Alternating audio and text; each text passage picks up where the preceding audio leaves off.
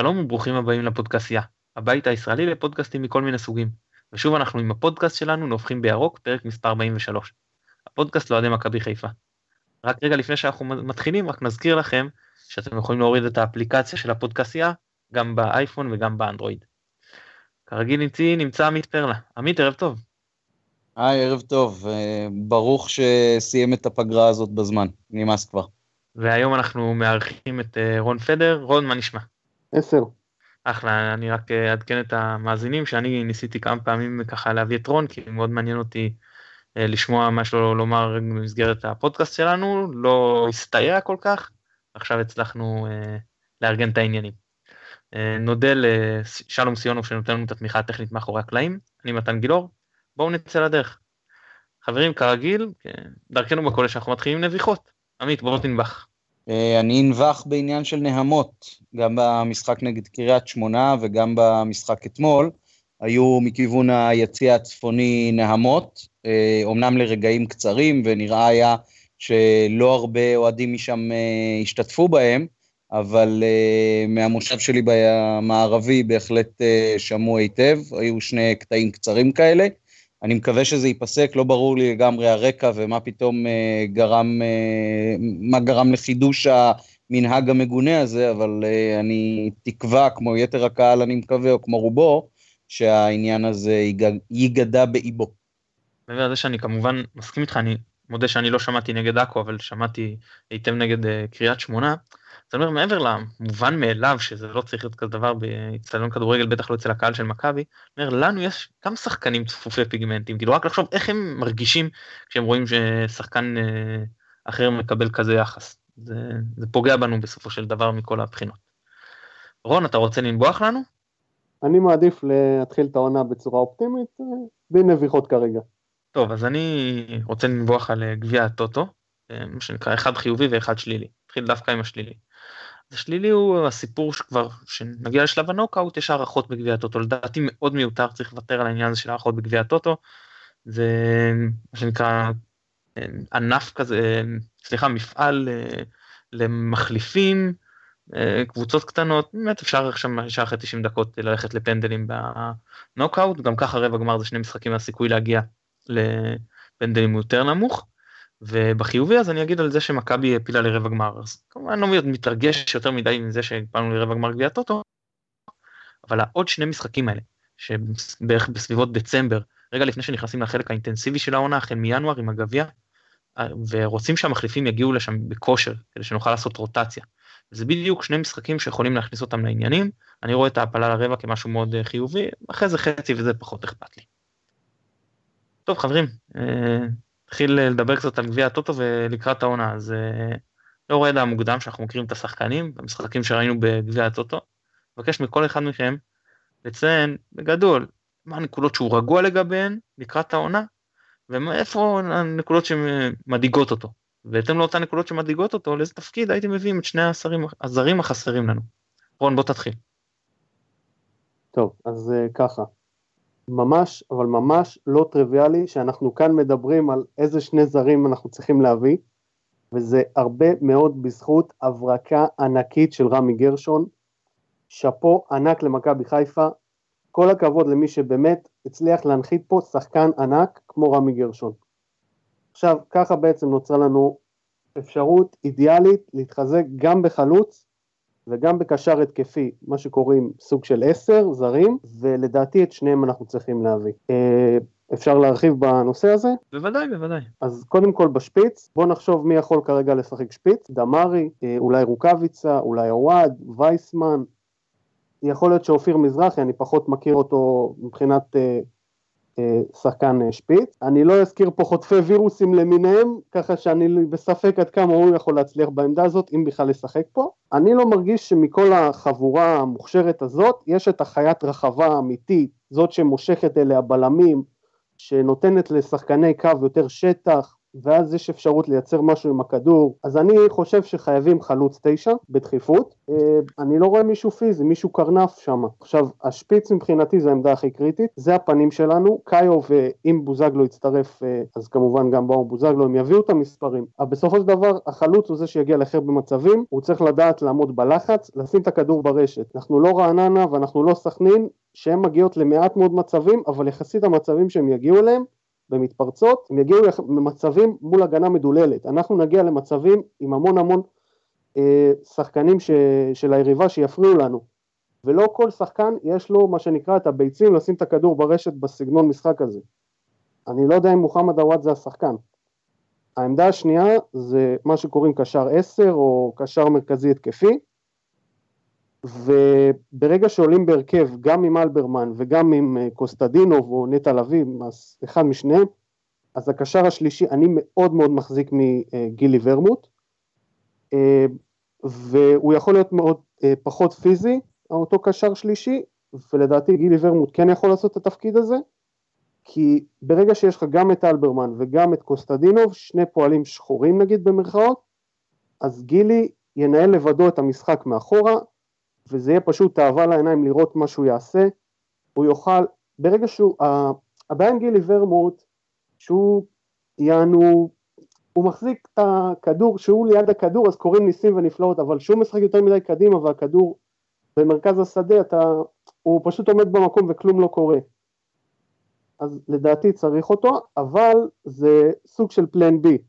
בחלוץ אין לנו פלן בי, ואני לא רואה מי יכול להיות החיה, הקרנף הזה מקדימה, שימשוך שחקנים וייצר לאחרים שטחים. אוקיי, okay, עמית? Uh, טוב, בגדול uh, אני חושב שרון סיכם יפה, זה בהחלט שתי העמדות שבהן uh, נדרש uh, חיזוק, ובאמת יש פריבילגיה גדולה לעשות את זה עם שני זרים פוטנציאליים שמתפנים uh, בעקבות השחרור של גארי קגלמאכר, שאני חייב להגיד שבהתחלה מאוד מאוד התרגזתי עליו, ואחרי 24 או 48 שעות כשהתחילו ספקולציות ראשוניות על רמי גרשון, אז אמרתי וואלה, על זה לא חשבתי, אם, אם את, את זה מצליחים uh, להעביר באמת בהצלחה, אז השחרור של קגלמאכר uh, נשמע קצת יותר הגיוני.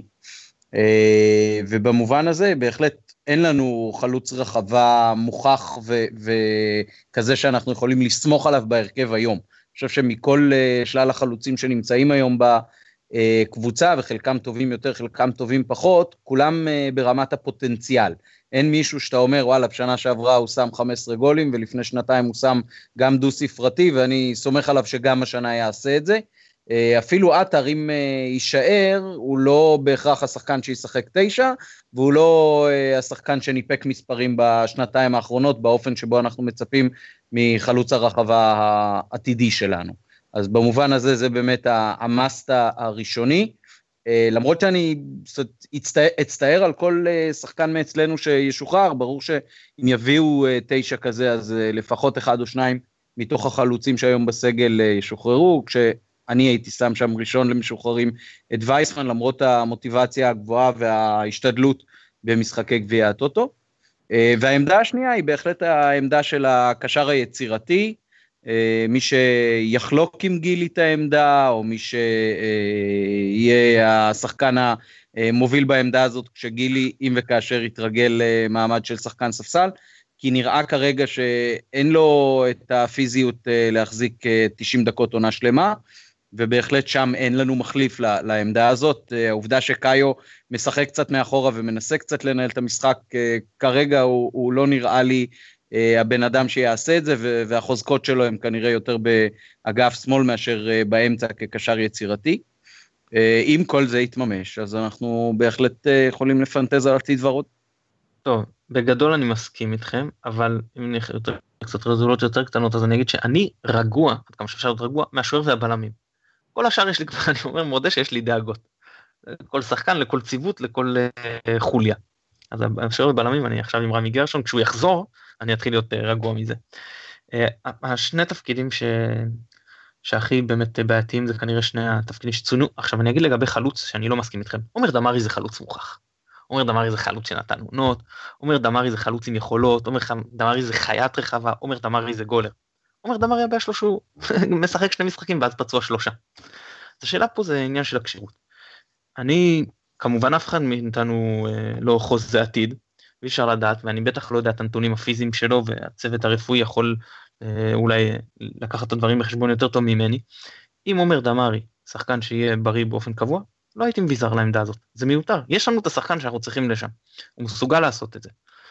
אם אנחנו רואים שיש פה בעיה של, אה, של אה, בריאות, אז, אה, אז כן, אז ברור שאנחנו כן צריכים שחקן לעמדה. אני מסכים עם עמית, אני תופס מהוואד הרבה יותר מווייסמן. מצד שני, אני חושב שהוואד חייב דקות. וייסמן יקבל, לא יקבל, שוב, אני לא רואה בו איזה עתיד גדול למכבי אם רוצים אותו כחלוץ שלישי השנה. וגם ככה שיש לפניו אפשר לשים גם את רוקאביצה, בסדר, לא, לא כזה מפריע לי.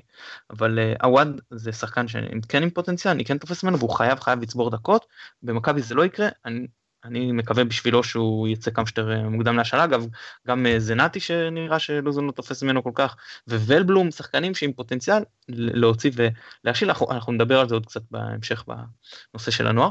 Uh, השחקן באמת שהכי הכי חשוב כרגע, שחקן שא' יודע לנהל את ההתקפות, אין לנו כזה, ב', יודע לבשל, יש לנו כזה את ורמוט. ורמוט, בניגוד למה שרון אמר, אני, רון, אני לא מסכים איתך בשני דברים. אחד, אני חושב שיש פה בעיה שהוא יפתח בהרכב, על העניין הפיזי, הכושר גופני, מה שעמית אמר. ושתיים, ורמוט אפקטיבי כשהוא ליד הרחבה. ורמוט הוא מבשל ברמה הכי גבוהה שיש, אבל הוא לא שחקן שמנהל התקפות, הוא לא שחקן שמעביר כובד משחק, הוא לא שחקן שבא עכשיו לקחת כדור מ, אתה יודע, מ-30 מטר מהשער שלנו ו... ולרוץ איתו עכשיו קדימה box to box, זה לא השחקן הזה. אם יש שחקן שידע לשלב את שתי היכולות האלה, דובר אז על טרויסי שאמור לעשות את זה, שחקן בסגנון הזה זה, זה פנטסטי, זה מה שאנחנו צריכים, לפחות במשחקים נגד קטנות, שנגיד נשחק משהו סטייל 4, 2, 3, 1 או משהו בסגנון.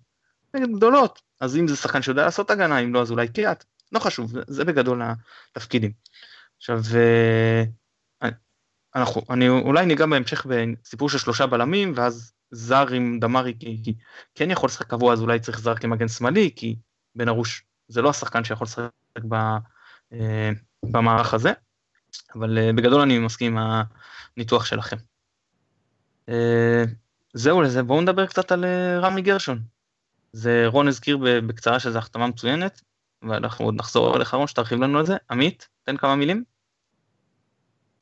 החתמה משמחת מאוד, שחקן ישראלי ששיחק גם בנבחרת וגם באירופה מספר שנים ולא כשחקן רוטציה אלא כשחקן הרכב, שיחק ב, גם בסלטיק uh, כדורגל קשוח וגם בבלגיה שזה אולי uh, סגנון שיותר דומה לשלנו גם אם ברמה כמובן הרבה יותר גבוהה.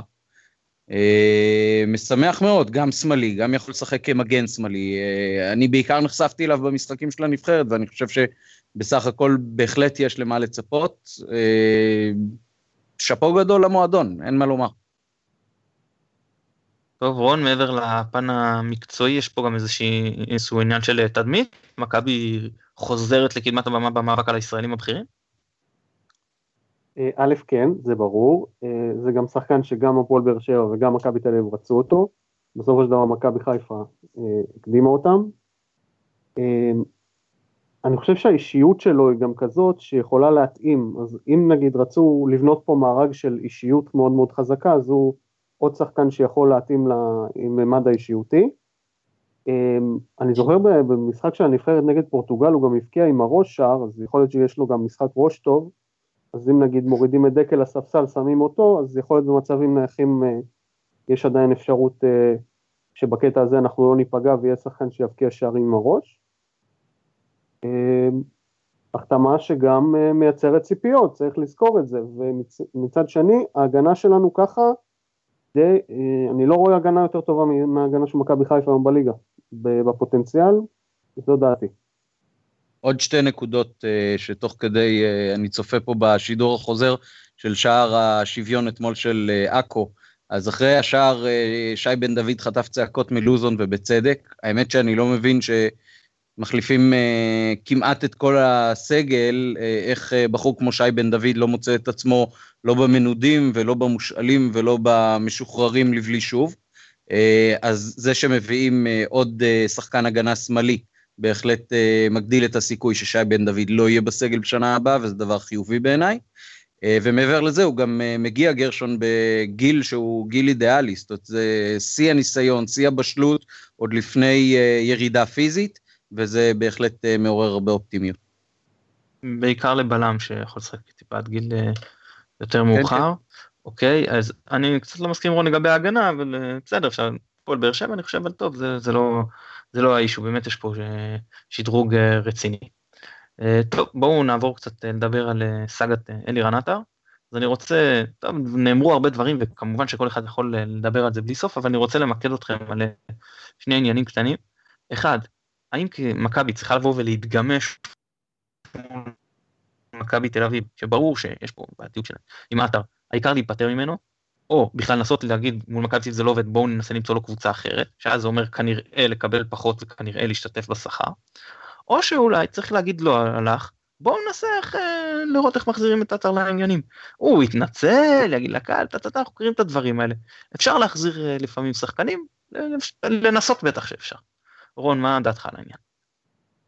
אה, במצב שנוצר, להחזיר את אלירן עטר לסגל, זאת טעות שמבחינתי לפחות האישית, אין ממנה דרך חזרה. אם המועדון אומר, מי שלא רוצה להיות במכבי לא יהיה במכבי, אז נקודה סוף סיפור, בטח כאשר אה, יעקב שחר אמר בריאיון שהיה מוצא שבת, אני חושב פורסם רעיון, הוא אמר, אה, השחקן רצה לעבור למכבי תל אביב. להחזיר אותו לסגל, מבחינתי זה גול עצמי. אה, מה שאמרתי על רמי גרשון, שזה נבנה פה מארג של אישיות, גל אלברמן, קיינן, דו סנטוס, רמי גרשון, עוד שחקנים שאישיות חזקה, אה, לעומת מקרה כזה, אז אני קטונתי מלהבין את הסיפור שקורה פה עם אה, עטר. יש פה שחקנים שיבוא הגל הראשון של חוסר הצלחה, בניגוד למה שהיה אחרי סכנין שם, שכל הקבוצה התפרקה בשנה שעברה, השחקנים האלה שעכשיו יש, זה שחקנים שיהיו שם בשביל להרים ראש ולא ייתנו לצונאמי לגרום את, לכל המועדון הזה אה, לשקוע במצולות.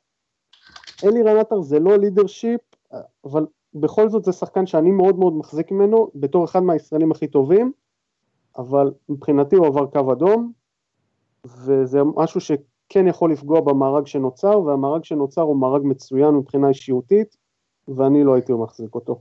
מבחינתי, גם אפילו לשחרר אותו, לשחרר אותו אפילו מהחוזה.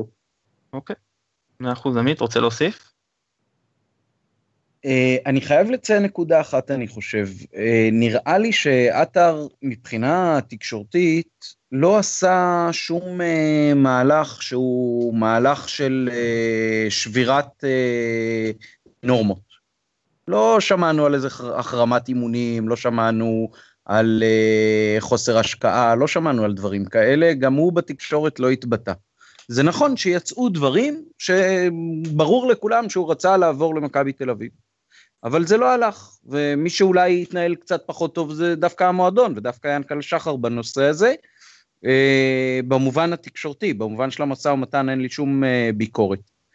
אה, עכשיו זה שיקול מאוד קשה, כי אני כבר בעונה לפני הקודמת, כש...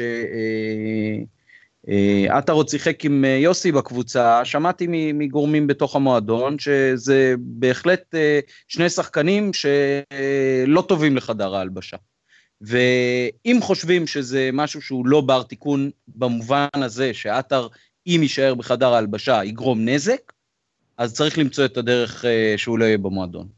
אם חושבים שזה משהו שאפשר להשתלט עליו, וזה משהו שהמועדון והוא ישבו ויגידו, תשמע, אנחנו רצינו, היינו מוכנים, אה, יש לך את המחיר, אם עבד אל חמיד אה, היום דורשים סכומים כאלה, אז אין שום סיבה שעליך לא ישלמו סכומים כאלה, ואנחנו בחינם או במחיר מוזל לא נשחרר אותך, בטח לא ליריבה גדולה.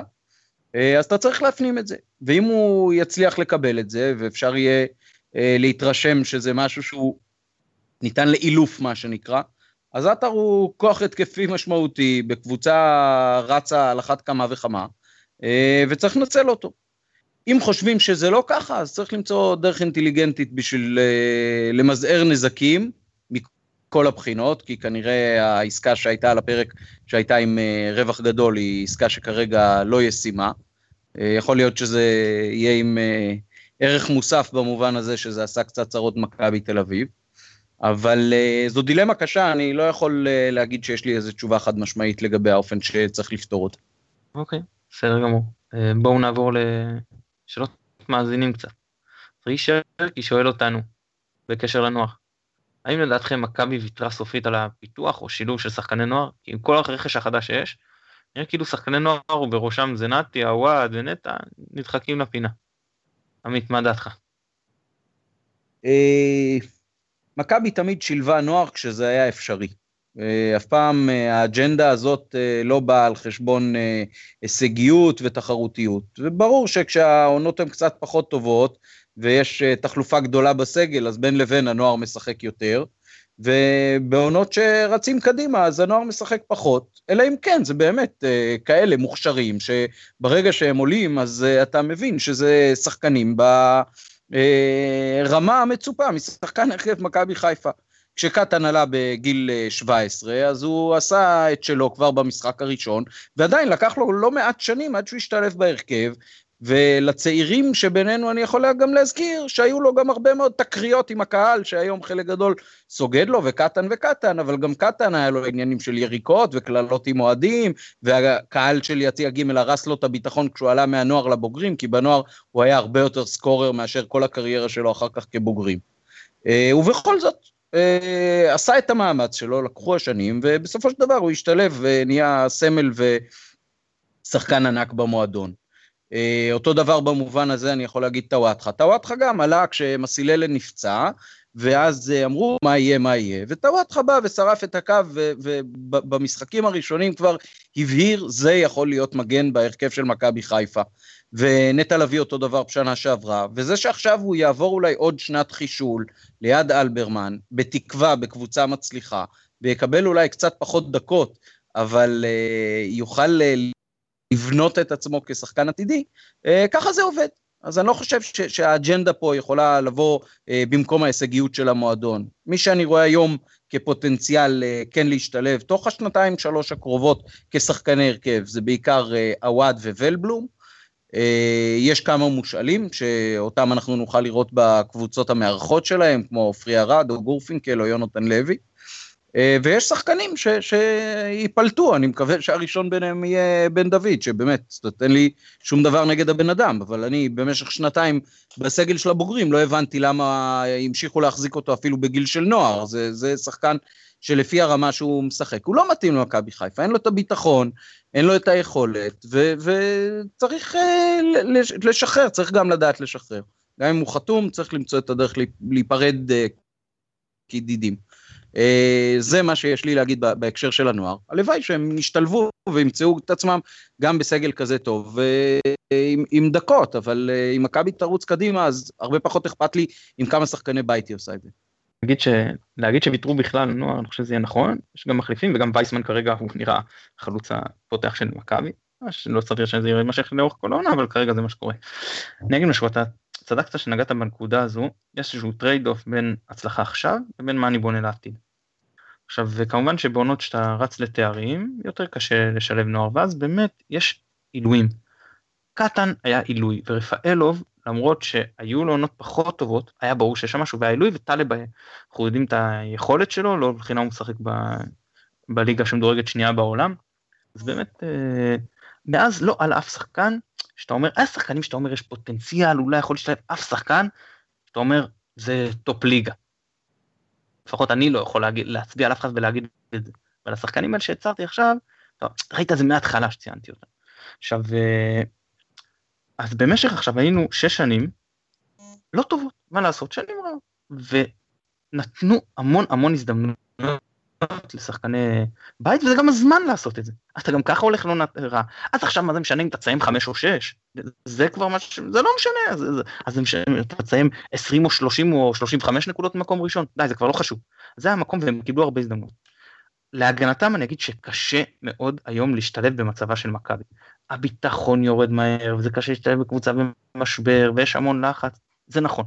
מצד שני, הם קיבלו הזדמנויות, ואף אחד לא ממש תפס את ההזדמנות בשתי ידיים. לא קרה.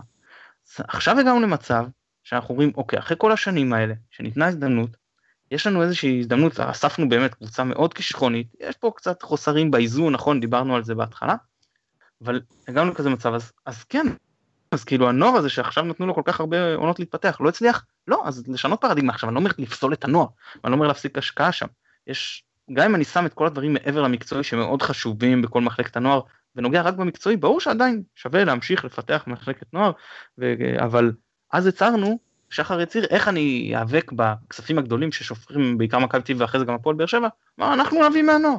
נכון, הוא אמר את זה אם אני טועה ברעיון לצד, לצד שני. זהו, שחר שם את זה בצד נראה והוא אומר, לא, אנחנו לא נביא מהנוער, אנחנו נביא ממקומות אחרים, שחקנים שאנחנו יודעים שהסיכוי שלהם אה, להצליח מכבי הוא יותר גבוה. ולהוציא אותנו מה... עוד שחקן דרך אגב ש, שבדיוק אה, באותו אופן אה, השתלב היה בירם קיאל, שאם אני זוכר נכון, באחת משתי העונות הפחות טובות של רוני לוי בקדנציה הראשונה שלו אצלנו, עלה כשחקן מהנוער, התבלט מההתחלה, ועובדה שאחר כך פרח אצל אלישע, ומאז אה, יצא לקריירה מאוד מאוד מרשימה. חד משמעי. חברים, בואו נדבר קצת על, בקצרה על מערך שלושה בלמים, האם אתם בעד, נגד, למה כן או למה לא. רון, בוא תתחיל. קודם כל, בהמשך לסוף הדיון הקודם, אה, דיברת על בירם קיאל, אז בוא ניקח את זה פחות מעשר שנים אה, קדימה. אה, נטע לביא, גם כן קשר, ואפרופו שלושה בלמים, אני התחלתי לראות שמתחילים לשלב אותו בתור בלם. הוא שיחק בנוער לא מעט בתפקיד הזה של בלם. אז שוב, זה סימן שאלה, כי יש לו לא מעט חלק בשער אתמול שקיבלנו. שלושה בלמים. אה, מבוקה, שחקן שבנוי לשיטה הזאת, זה ייתן לו הרבה מאוד חופש. אם אה, אחרי מבוקה ישחק אה, דו סנטוס, לדעתי הולך להיות לנו מצד ימין באמת הרבה מאוד התקפה אנחנו נראה מה, מהצד הזה. לגבי צד שמאל זה באמת שאלה טובה, מה אם ניקיטה רוקאביצה יכול לעשות משם את הפריצה. אז אני, אני מסכים איתך, אין לנו כרגע את השחקן ההוא בצד שמאל, כאילו מבחינת נתונים היחיד שמתאים זה רוקאביצה, אבל הוא לא מכיר את התפקיד, אולי הוא כן יכול להשתלב שם, אני לא יודע, אנחנו, אתה מאבד אז את כל העניין שלו של היציאה מהמקום והכניסה לעומק, דברים שהוא עושה מצוין, דברים שבגללו הבאנו אותו למכבי, לא הבאנו אותו בגלל היכולת שלו לשרוף את הקו, כן? אז זה לשנות לו עכשיו תפקיד, אני לא יודע כמה הוא יהיה טוב בזה, זה באמת אה, בעייתי, אז מבוקה ברור, תפור על העמדה הזאת, ודו סנטוס באמת יכול לחפות עם אה, דקל כסוג של ליברו ו... ורמי גרשון משמאל, אבל באמת שיש לך שם את עמרי בן ארוש, אני חושב שזה כרגע נראה קצת אה, מיותר. אפשר לעשות סוג של שינוי, זאת אומרת, של לעלות עם רביעיית הגנה, אבל בהתקפה לעמוד כאילו כשלושה בלמים, ואז של, שבאמת מבוקה ישחק בימין ו... וקאיו בסוג של שמאל, כן, זה לא ממש אה, קיצוני. זה די מה שעשו בדרבי. נכון, בדיוק. באופן, בדרבי זה לא היה קאיו, ולא חושב שזה היה רוקאביצה, וכן, אבל נכון, באופן ש, ש, שעשו בדרבי, ש, שאופיר מזרחי מפנה כל הזמן את הקו למבוקה, אז על זה דיברתי. אז לשחק בצורה כזאתי שלושה בלמים, שזה מישמש כזה, זה לא בדיוק שלושה בלמים, זה יכול להיות סביר, אבל לעלות כאילו קלאסי שלושה בלמים, את ה... עם השני שחקנים בכנף, בכנף אז לא עמרי בן ארוז זה לא השחקן הזה זה לא מתאים ואי אפשר אה, לכפות ממש שיטה שלא תתאים. ולגבי נטע אז אני חושב שהוא עלה פה כסוג של אה, רצו לתת לבלמים לנוח ואז שמו אותו כי הוא יודע את התפקיד אני לא חושב שהוא אה, בונים עליו לעמדה הזו. אני מקווה גם שלא כי אני תופס מנטע כקשר ואני חושב שראינו אני תמיד מזכיר את זה ליד פירס שמשחק לידו קשר אחורי נטע יכול לפרוח. אני חושב שיש לנו הרבה, אני חושב כן. שיש לנו הרבה מאוד גיוון מבחינת השחקנים של החלק האחורי, ואני חושב שכן, אם יעשו את ההתאמות הנכונות לפי המשחקים הנכונים, אז יש אפשרות להשתמש בכולם. Uh, שלושה בלמים יכול להיות עם uh, שני uh, שחקנים שהם יותר עם אוריינטציה של להיות מגינים בכנפיים, ויכול במשחקים אחרים או בחלקים מתקדמים של משחק שפחות הולך בחלק ההתקפי, אה, לבוא למשל עם אה, סאן בשמאל או עם אה, רוקאביצה בשמאל. יש לנו את האפשרות הזאת, יכול לשחק רמי גרשון כבלם בצד השמאלי, ואז לשחרר את עמרי בן ארוש על אגף שמאל, להיות הרבה יותר התקפי. יש פה הרבה מאוד גיוון, אם יעשו את ההתאמות הנכונות למשחקים הנכונים, אז אנחנו נצא מאוד מאוד מורווחים מזה. אני חושב שהסגל הוא מצוין, סימן שאלה גדול לגבי אה, לוזון, אני חושב שכן ראינו קצת יותר אה, גיוון ופחות קיבעון מאשר בעונה הקודמת מבחינת אה, ניהול משחקים בגביע הטוטו, וכנראה כן עושים אה, מספיק ניסיונות. אה, אם נתחיל עם זה טוב במשחקים הראשונים, אז אה, יהיה מומנטום, וזה מומנטום שאנחנו מחכים לו כבר לא מעט שנים, נקווה שזה יהיה מוצלח. כן, אז אה, לגבי המשחקים הראשונים, יש לנו משחק נגד בני יהודה, יום שני, אצטדיון המושבה, שמונה וחצי, אנחנו יודעים שבני יהודה מגיעים בכושר טוב, גם הם שיחקו יותר משחקים רשמיים מאיתנו, היה להם את אירופה, עברו שלב אחד עם ניצחון בבית תיקו בחוץ, אחרי זה הודחו על ידי זנית סנט פטרסבורג, אבל ניצחו בלנינגרד מה שנקרא, הישג מרשים מאוד, ניצחון באמת פנטסטי, לא היו רחוקים מתיקו, קבוצה באמת אה, קשה וטובה, אני חושב שמישהו אה, כאילו, אני מניח שלאורך העונה הם קצת יירגע שם העניין הזה, אבל כרגע הם נראים טוב. אז מה שנקרא, אני מפה ממשיך ושואל אתכם על הימורים. עמית, תן לנו תוצאה. 2-1 מכבי בעזרת השם. רון, תוצאה. מכבי לוקחת 3-1. חברים, אני נאלצתי להיות פחות אופטימי מכם, אני חושב שבני יהודה מגיעים יותר מוכנים מאיתנו, אבל uh, אני חושב שצ'יבוט על דקל שם שווה איזה גול. בכל זאת גם אנחנו שווים שער, ואני מהמר שהמשחק יסתיים בתיקו אחד, כמו המשחק במחזור השלישי בעונה שעברה. עמית, כרגיל היה לי תענוג. גם לי, שתהיה לנו עונה מוצלחת. רון, המון המון תודה שהתארחת אצלנו. כבוד. אנחנו שוב נודה לשלום סיונוב שנותן לנו תמיכה טכנית מאחורי הקלעים. אני מתן גילאור, תודה רבה לכם שהאזנתם, ביי ביי.